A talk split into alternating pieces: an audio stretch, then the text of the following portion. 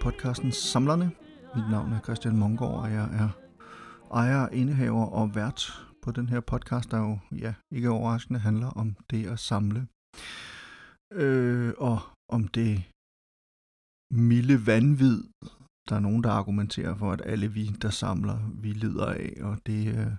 er jo nok tilbøjeligt til at, at, at give dem ret i. Ikke fordi der er noget galt i det, tværtimod. Det milde vanvid, øh, som vi lider af, og Øh, Øh, og det at, at samle og alle de her ting er også noget, der giver os en, en meget, meget stor glædesfølelse. Det er i hvert fald en af de, øh, hvad skal vi sige, lektier eller lærere, jeg synes, jeg har kunne trække ud af, af nogle af alle de samtaler, jeg har haft i de seneste mange øh, øh, afsnit af den her podcast med forskellige andre samlere. Og så vil jeg gerne lige starte med at, at beklage, at det har været så lang tid siden, eller det er så lang tid siden, at øh, jeg sidst øh, har lavet et podcast-afsnit. Men det går lidt stærkt her i, øh, i, i butikken for tiden. Øh, den her podcast er jo noget, jeg i gåsøjne laver i min fritid, selvom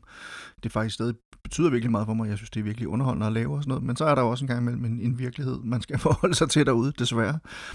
Øh, jeg er jo film- og tv-redaktør på Dagbladet Information, og, øh, og det får jeg en masse tid til at gå med, og derudover øh, har jeg ved siden af det skulle skrive en bog færdig, en bog om Matador, tv-serien Matador, en meget stor, flot coffee table bog, øh, bliver det, som jeg skriver sammen med min gode ven og kollega Jakob Vendt Jensen. Den skal udkomme her til efteråret, og vi har lige lagt noget, der ligner sidste hånd på, øh, på manuskriptet, som nu er blevet sendt til en redaktør og til forlaget og sådan nogle ting, og så går der 14 dage, øh, eller noget den stil, og så får vi det tilbage og skal så ligesom give den en sidste overhaling, inden den skal sættes op og, og alt den slags, så det bliver så gjort her hen over sommeren. Øh, de er, der kender mig ved måske, at jeg skrev en, øh, en, øh, en, en, en bog om Olsenbanden, der kom her for cirka halvandet år siden, øh, som også var en stor, flot coffee table bog, og det er simpelthen det samme, altså den bog, vi nu er i gang med og Matador bliver med det samme udstyr og, og lige så flot og lige så tung. Ja, faktisk så tror jeg, at den bliver lige så endnu større og endnu tungere end, end Olsenbanden-bogen. Så, så der er noget at se frem til, hvis man er fan af, af Matador. Jeg synes i hvert fald selv, at øh, vi har fået skrevet noget, der er ret interessant og ret spændende, og som også kommer med, altså selvom Matador-serien jo er blevet endevendt i andre bøger og utallige artikler, tv-udsendelser og også andre podcasts og sådan nogle ting, så synes vi jo ligesom selv, at der, at der kommer spændende ting på, øh, på bordet i, øh, i, i, i vores bog. Men øh, det må man altså vente med at finde ud af mere om, indtil jeg tror, det er lige omkring den 22. oktober, at, øh, at den her Massador-bog kommer. Så vil jeg lige ganske kort sige lidt om, altså også måske bare for at give lidt et indtryk af, hvor meget og hvordan jeg egentlig selv samler, fordi det er jo, som en, øh, en medsamler og god ven sagde til mig forleden dag, en, en farlig tid at være samler i, og jeg, jeg ved godt, det er et, et first world problem, øh, hvis man ligesom ser på, hvad der ellers sker derude med både coronakrise og corona død, om jeg så må sige, og, og også hele Black Lives Matter øh, øh bevægelsen og, og alle de ting, der foregår ikke kun i USA, men også i Danmark og mange andre steder i verden, så, så er øh, de problemer, man står overfor som samler i den her tid, jo nok nogle af det, man kan kalde meget, meget små problemer. Men i hvert fald, altså, vi, vi, øh, vi samler jo, øh, og, og, og noget af det, man er nødt til også, når man samler, det er jo at hente ting hjem fra, fra udlandet, og det øh, har vist sig at være lidt svært. Jeg har en pakke med to øh, første udgaver af de tre detektiver liggende et eller andet sted på en postcentral i Chicago, og der har den ligget siden den 8. april. Den 8. april er den seneste opdatering, jeg får, hvis jeg går ind og, og, og tracer min forsendelse simpelthen. Og jeg har været i både kontakt med ham, der skulle sende det til mig, og forskellige andre mennesker i et forsøg på at finde ud af, hvordan fanden får jeg den her pakke ud af USA. Men det siger jo også lidt om, hvor voldsom situationen egentlig er, hvor alvorlig situationen er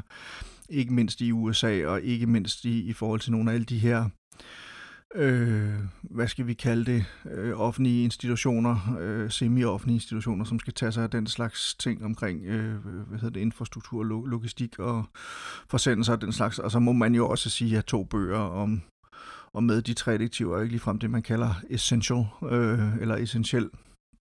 øh, forsendelser, så der er jo nok en, en god grund til, at de stadig ligger derovre i Chicago, og sikkert kommer til at ligge der en måned eller to endnu, før jeg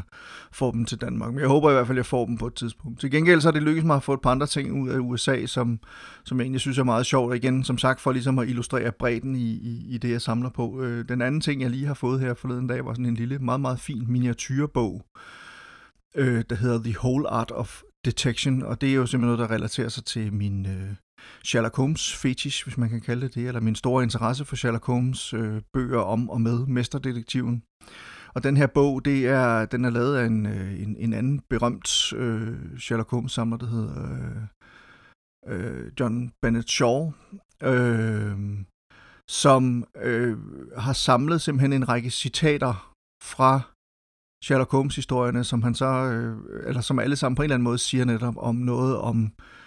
om den her, altså kunsten at, at opdage, kunsten at drage slutninger, kunsten at opklare sager, altså the whole art of detection.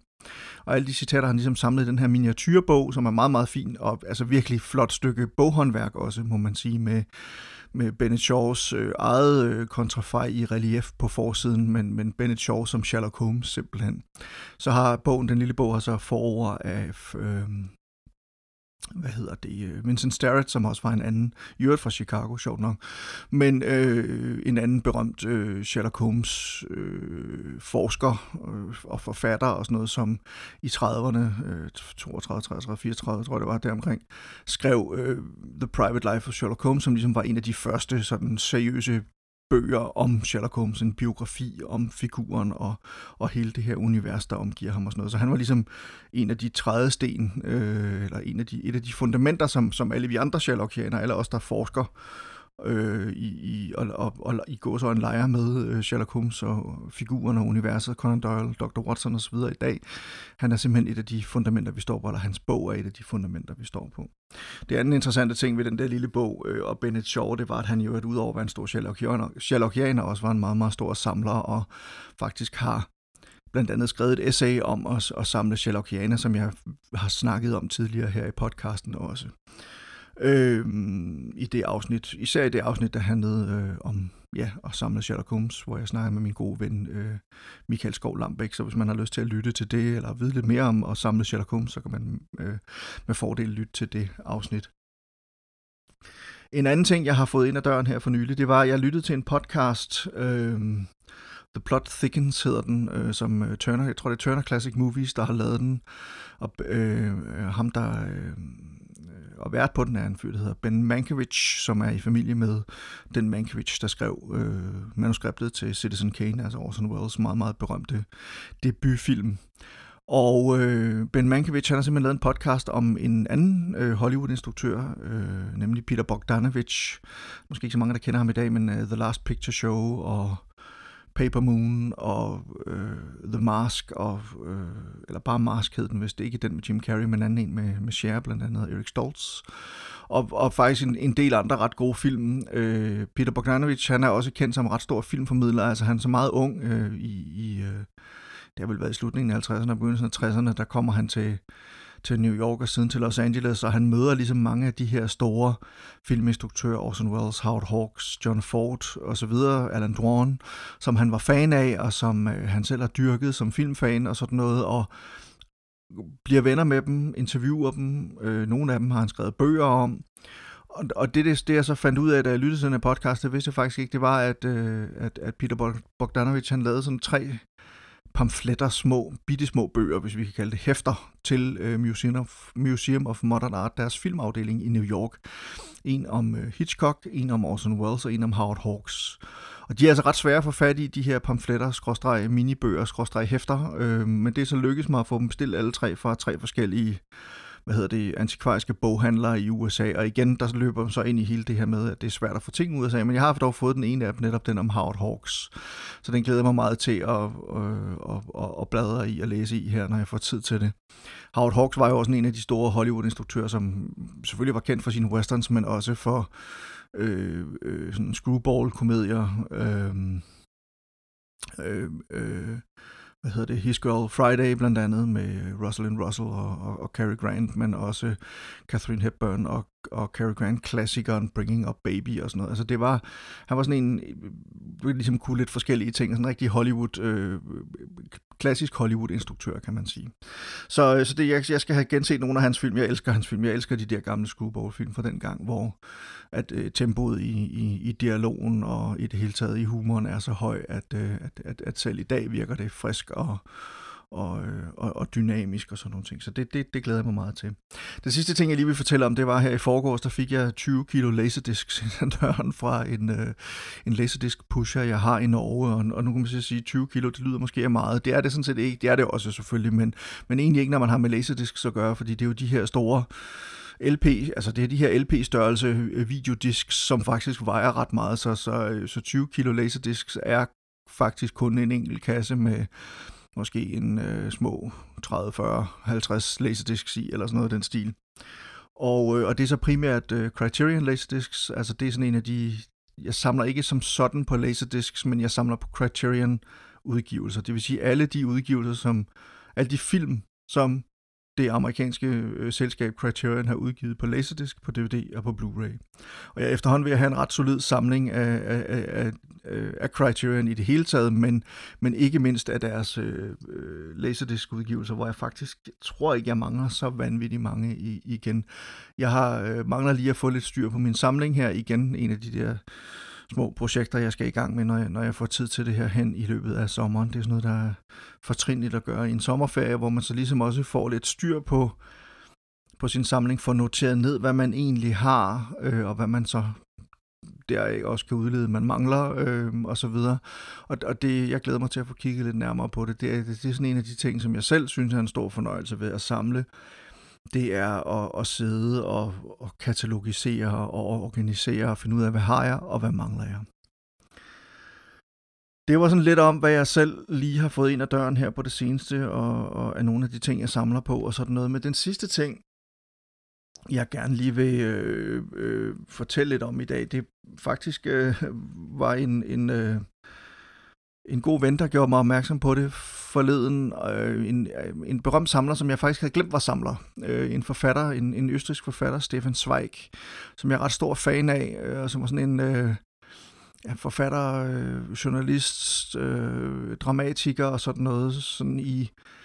i, i, i mellemkrigstidens Weimar-republikens Europa. Øh,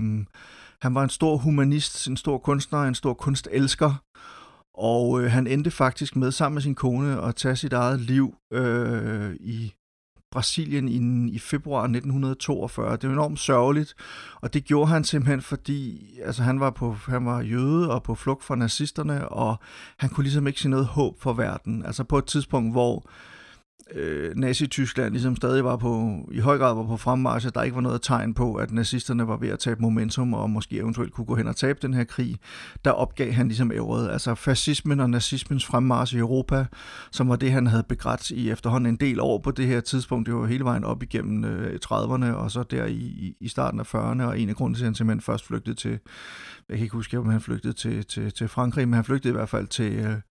til USA og siden så til Brasilien, hvor han, hvor han så endte, sin, endte sit liv i, i, i 42, fordi han simpelthen ikke kunne, han kunne ikke overskue netop alt det her med nazismen og fascismen og dens fremmarsch i Europa. Han kunne ikke se nogen vej ud af det. Han syntes simpelthen, at menneskeheden var fortabt. Og så var der simpelthen ikke mere tilbage at leve for dagen inden han tog sit liv der i februar 42, der færdiggjorde han sine erindringer eller sin selvbiografi, der hed Verden af i går, som jeg virkelig gerne anbefale, man læser.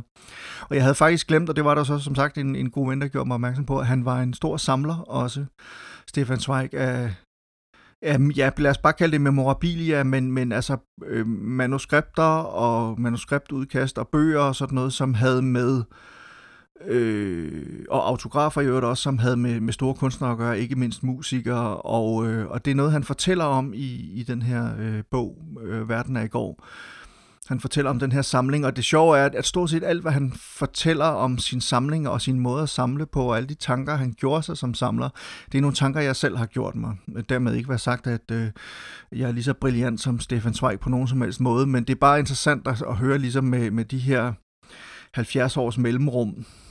80 års mellemrum er det jo efterhånden. Altså at det at være samler, det har sgu egentlig ikke forandret sig så meget. Altså den mentale stil, tilstand, man går rundt i, de ting, man kæmper med, øh, og, og grunden til, at man samler, og hvad det er, man får ud af at samle, hvad det er for en fornemmelse, det giver. Altså både det her med, at at, at altså for ham det der med at samle på manuskripter eller på udkast til symfonier af berømte komponister og sådan noget, og noter og breve og det ene og det andet, det giver ham et indblik i hele skabelsesprocessen, som han synes var enormt fascinerende, men også at, øh,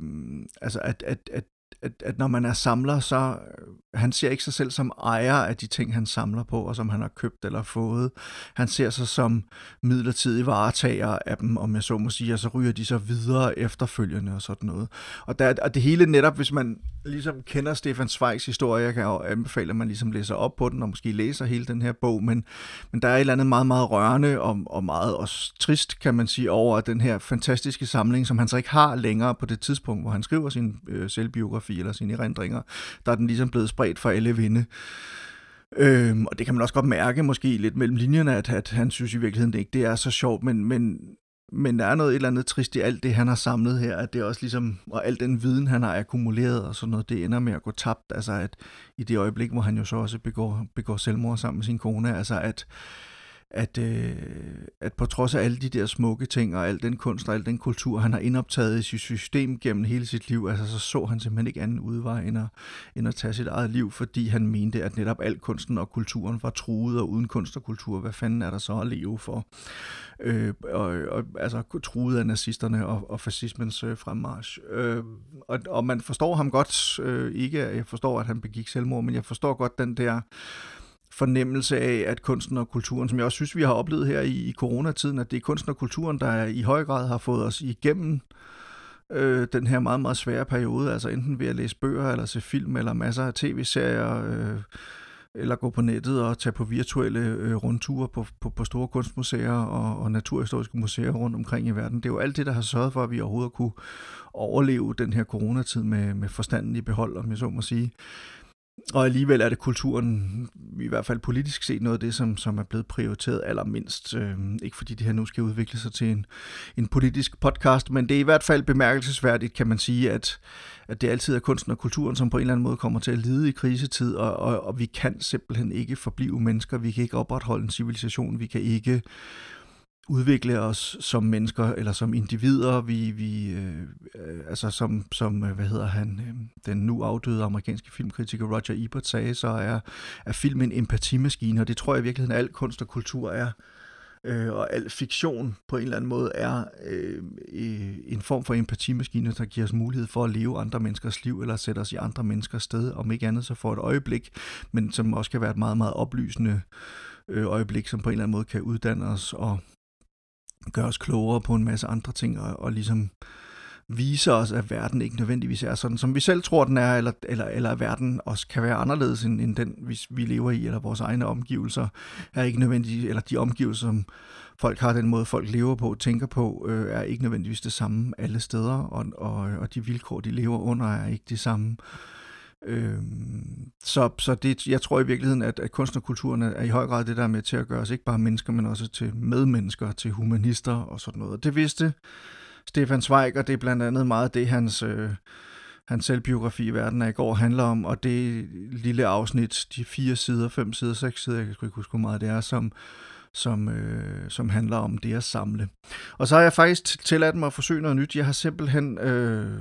prøvet at indtale, oplæse de her sider af verden af i går, som, øh, som handler om, øh, øh, hvad hedder det, øh, Stefan Zweig og hans samlermani, øh, det milde vanvid, som han tydeligvis også har været grebet af på et tidspunkt i sit liv. Fordi jeg synes simpelthen, det er så spændende, og det er så sjovt, altså som sagt er det jo meget, meget tragisk og trist og sådan noget, men samtidig er det også meget opmuntrende at, at, at læse om alle de tanker, han har gjort sig om det med at være samler, fordi det er præcis de samme tanker, som jeg har gjort mig som samler, som jeg også tror, mange andre samlere har gjort sig. Så øhm, jeg beklager, jeg skal lige, jeg ved godt, man skal altid passe på med at undskylde alt for meget for, for det, man nogle gange laver på forhånd i hvert fald, men, men jeg beklager lydkvaliteten, jeg beklager, at det lyder lidt afsnuppet indimellem og sådan noget. Jeg har taget det et par gange øh, og også klippet lidt frem og tilbage i det og sådan noget i et forsøg på at få det til at hænge bare nogenlunde sammen og lyde nogenlunde. Og det var sgu ikke helt så nemt, som jeg havde troet. Øh, jeg synes egentlig ikke, jeg er dårlig til at læse op, men jeg kan jo også godt høre, at lige snart man taler i mikrofon, så bliver det også en anden måde at læse op på og sådan noget. Så måske har jeg fået en nyvunden respekt for for de mennesker, som er virkelig gode til at læse lydbøger op. Det er i hvert fald ikke noget, jeg selv synes, jeg er specielt god til. Men jeg har forsøgt her, jeg har gjort et lille forsøg på at læse op af øh, Verden af i går. Og øh, det håber jeg, I vil få stor fornøjelse af at lytte til. Øh, det var cirka et kvarters tid, eller sådan noget den stil. Så øh, her kommer altså et lille uddrag fra Stefan Zweigs øh, selvbiografi Verden af i går, hvor han taler om det at være samler. Der kom mange berømte gæster til vores hus i de år, men også i de timer, hvor jeg var alene, samlede der sig omkring mig en magisk kreds af ophøjede skikkelser, hvis skygger og spor det med tiden var lykkedes mig at besværge. De største mestres manuskripter fandtes side om side i min allerede omtalte autografsamling. Det, jeg som 15-årig dilettant var begyndt på, var i disse år gået fra at være en blot og bare ophobning til at være en organisk helhed, og tør jeg vel sige, et virkeligt kunstværk takket være min voksne erfaring, rigelige midler og en sand åndelig lidenskab. Til at begynde med var jeg som enhver begynder kun ude efter berømte navne.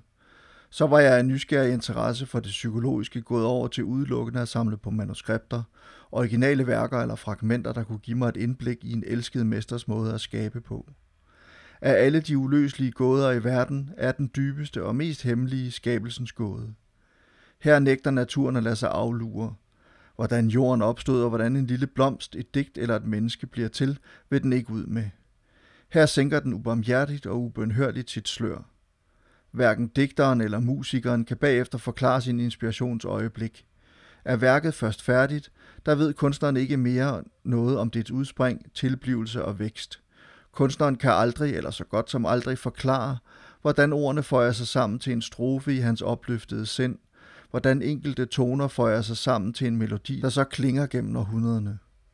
Det eneste, der kan give en et strejf af indsigt i den ufattelige skabelsesproces, er de skabendes manuskripter, og frem for alt dem, der ikke var bestemt til at blive trygt. Dem, der er fyldt med rettelser, de første uklare udkast, hvorfra den gyldige form senere skulle krystallisere sig. At samle på den slags papirer for store digtere, filosofer eller musikere, den slags vidnesbyrd om vedholdende arbejde og den slags spor efter hårde kampe, det var det, jeg fra nu af ville. Jeg nød at gå på jagt efter dem på auktioner, jeg elskede at opspore dem på de mest skjulte steder, og samtidig gjorde jeg min interesse til en slags videnskab.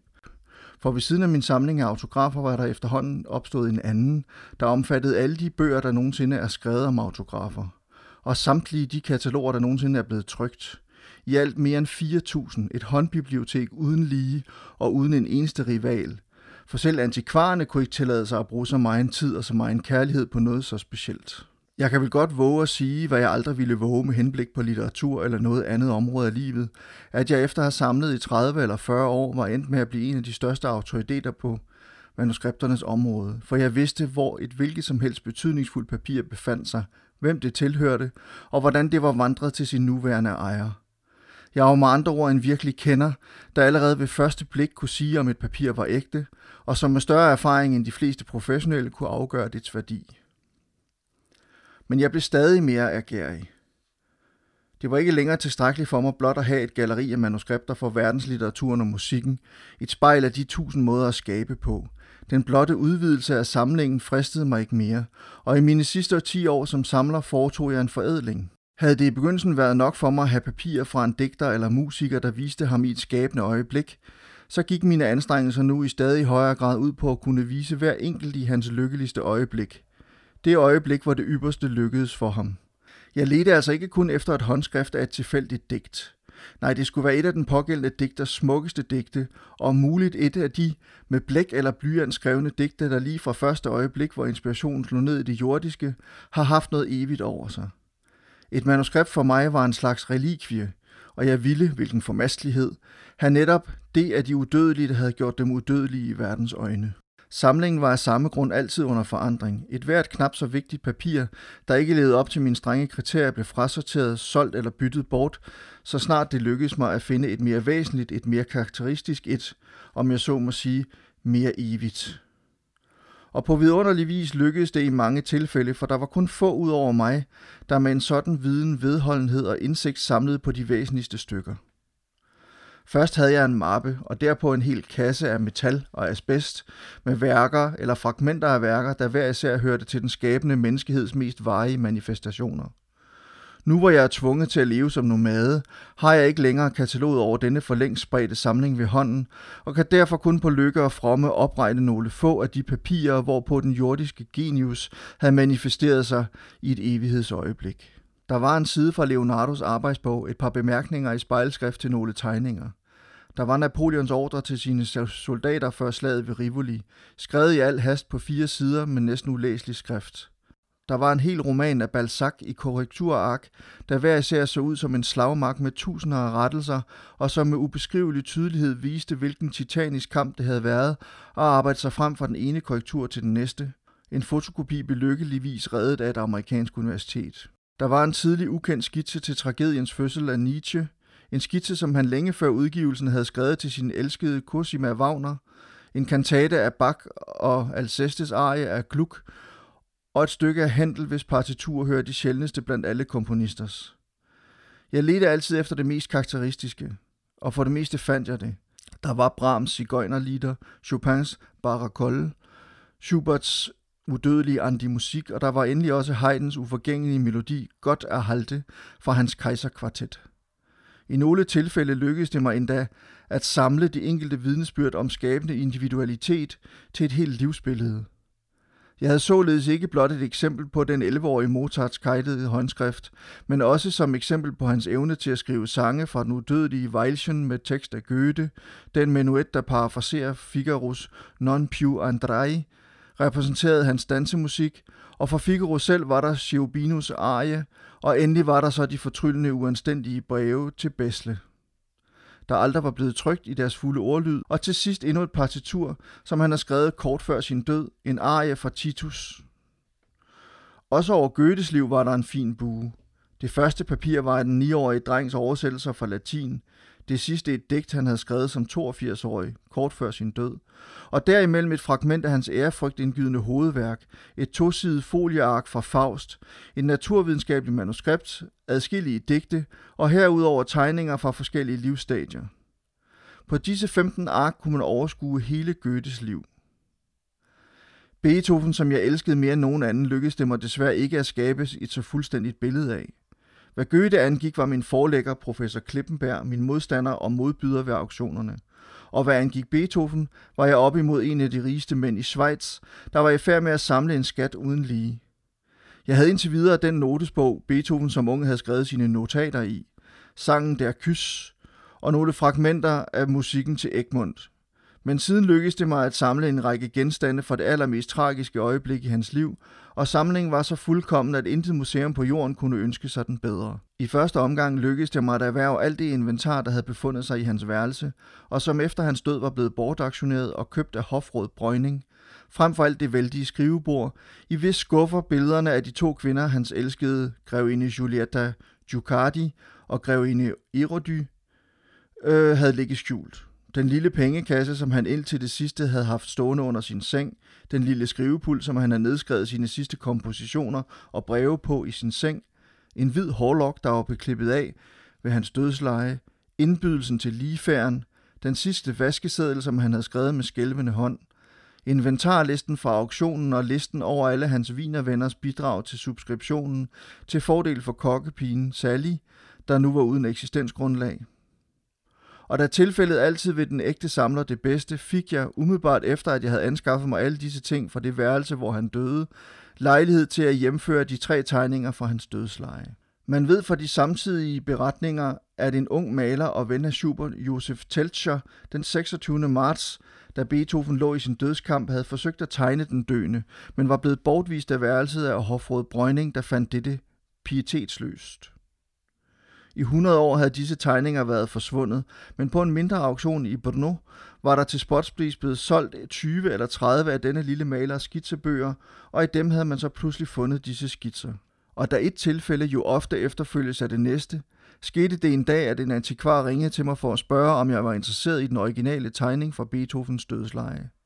Jeg svarede, at den havde jeg jo allerede, men så viste det sig, at den tegning, jeg nu fik tilbudt, var originalen til Danhausers senere så berømte litografi af Beethoven på dødslejet. Og således kom jeg nu til at eje alt det, der i visuel form skildrede det det sidste mindeværdige og i sandhed uforgængelige øjeblik. Det var en selvfølge, at jeg alligevel aldrig følte mig som disse tings ejer, men kun som dets midlertidige vogter. Det var ikke det at eje noget, ikke det at have noget for mig selv, der lokkede mig, men derimod glæden ved at samle noget til en helhed, ved at forme en samling som et kunstværk. Jeg var sikker på, at jeg med denne samling havde skabt noget, der som helhed betragtet havde en større eksistensberettigelse end mine egne værker. Trods adskillige tilbud tøvede jeg med at sammenstille et katalog, for jeg var jo stadig i gang med værket og manglede stadig mange navne og mange stykker, hvis alt skulle være fuldkommen. Min redelige hensigt var engang efter min død at overlade denne enestående samling til den institution, der var villig til at opfylde min særlige betingelse, nemlig hvert år at afsætte en bestemt sum til at forøge og forbedre samlingen i min ånd.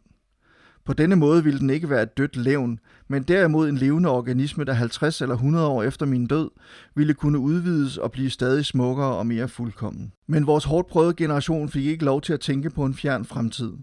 Da Hitlers tid var inde, og jeg måtte forlade mit hus, forsvandt min glæde ved at samle, og jeg havde jo heller ingen sikkerhed længere for, at noget ville kunne bevares. En lang tid lod jeg visse manuskripter opbevare i bokser og hos venner, men så besluttede jeg, at jeg hellere måtte tage afsked med en samling, som jeg ikke mere kunne ofre min energi på, i det jeg lyttede til Goethes formaning om, at museer, samlinger og rustkammer bliver livløse, hvis ikke man udvikler dem. En del skænkede jeg før min afrejse til Nationalbiblioteket i Wien. Det drejede sig hovedsageligt om de stykker, jeg selv havde fået af venner i gave. En del solgte jeg, og hvad der skete eller sker med resten, tænker jeg ikke længere over. Min glæde har altid ligget i det at skabe, aldrig i det, jeg allerede har skabt. Og derfor beklager jeg ikke mine tabte besiddelser. Hvis vi forfulgte og fordrevne skal lære en ny kunst i disse tider, der er fjendtlige over for al kunst og alt samlen, så må det være den at tage afsked med alt, hvad der engang har været vores stolthed og kærlighed. Og det var så Stefan Zweig, der fortalte om det at være samler. Jeg synes selv stadigvæk, det er meget, meget rørende at, at, at lytte til, og meget spændende og oplysende, og igen virkelig bekræfter en i, hvad det er for nogle ting, man kæmper med som samler, at det, det er sgu ikke noget, der har ændret sig igennem de 80 år, der er gået, siden han skrev de her ord. Tværtimod er det jo stort set de samme udfordringer, vi står overfor, men det er også den samme fornøjelse og den samme fantastiske følelse, det kan give netop at samle og få fat i nogle af de ting, man, man virkelig efterstræber, man virkelig begærer, om jeg så må sige, som samler. Og med de ord, så vil jeg simpelthen sige tak for denne gang. Jeg håber, I øh, har nyt at følge med. Der kommer snart, øh, der kommer snart nogle flere afsnit af øh, samlerne, øh, nogle flere i en regulære afsnit, hvor jeg snakker med forskellige samlere af forskellige ting og sager. Jeg håber, I vil tage godt imod dem, og jeg håber, at I vil fortsætte med måske at anmelde den her podcast, give den nogle stjerner, gerne i Apple Podcast, eller hvor I nu ellers lytter til podcasten. Anbefale den gerne til familie og venner, som I tænker kan få noget sjovt ud af det, og øh, så høres vi snart ved igen. Tak for denne gang. Hej hej. Bugün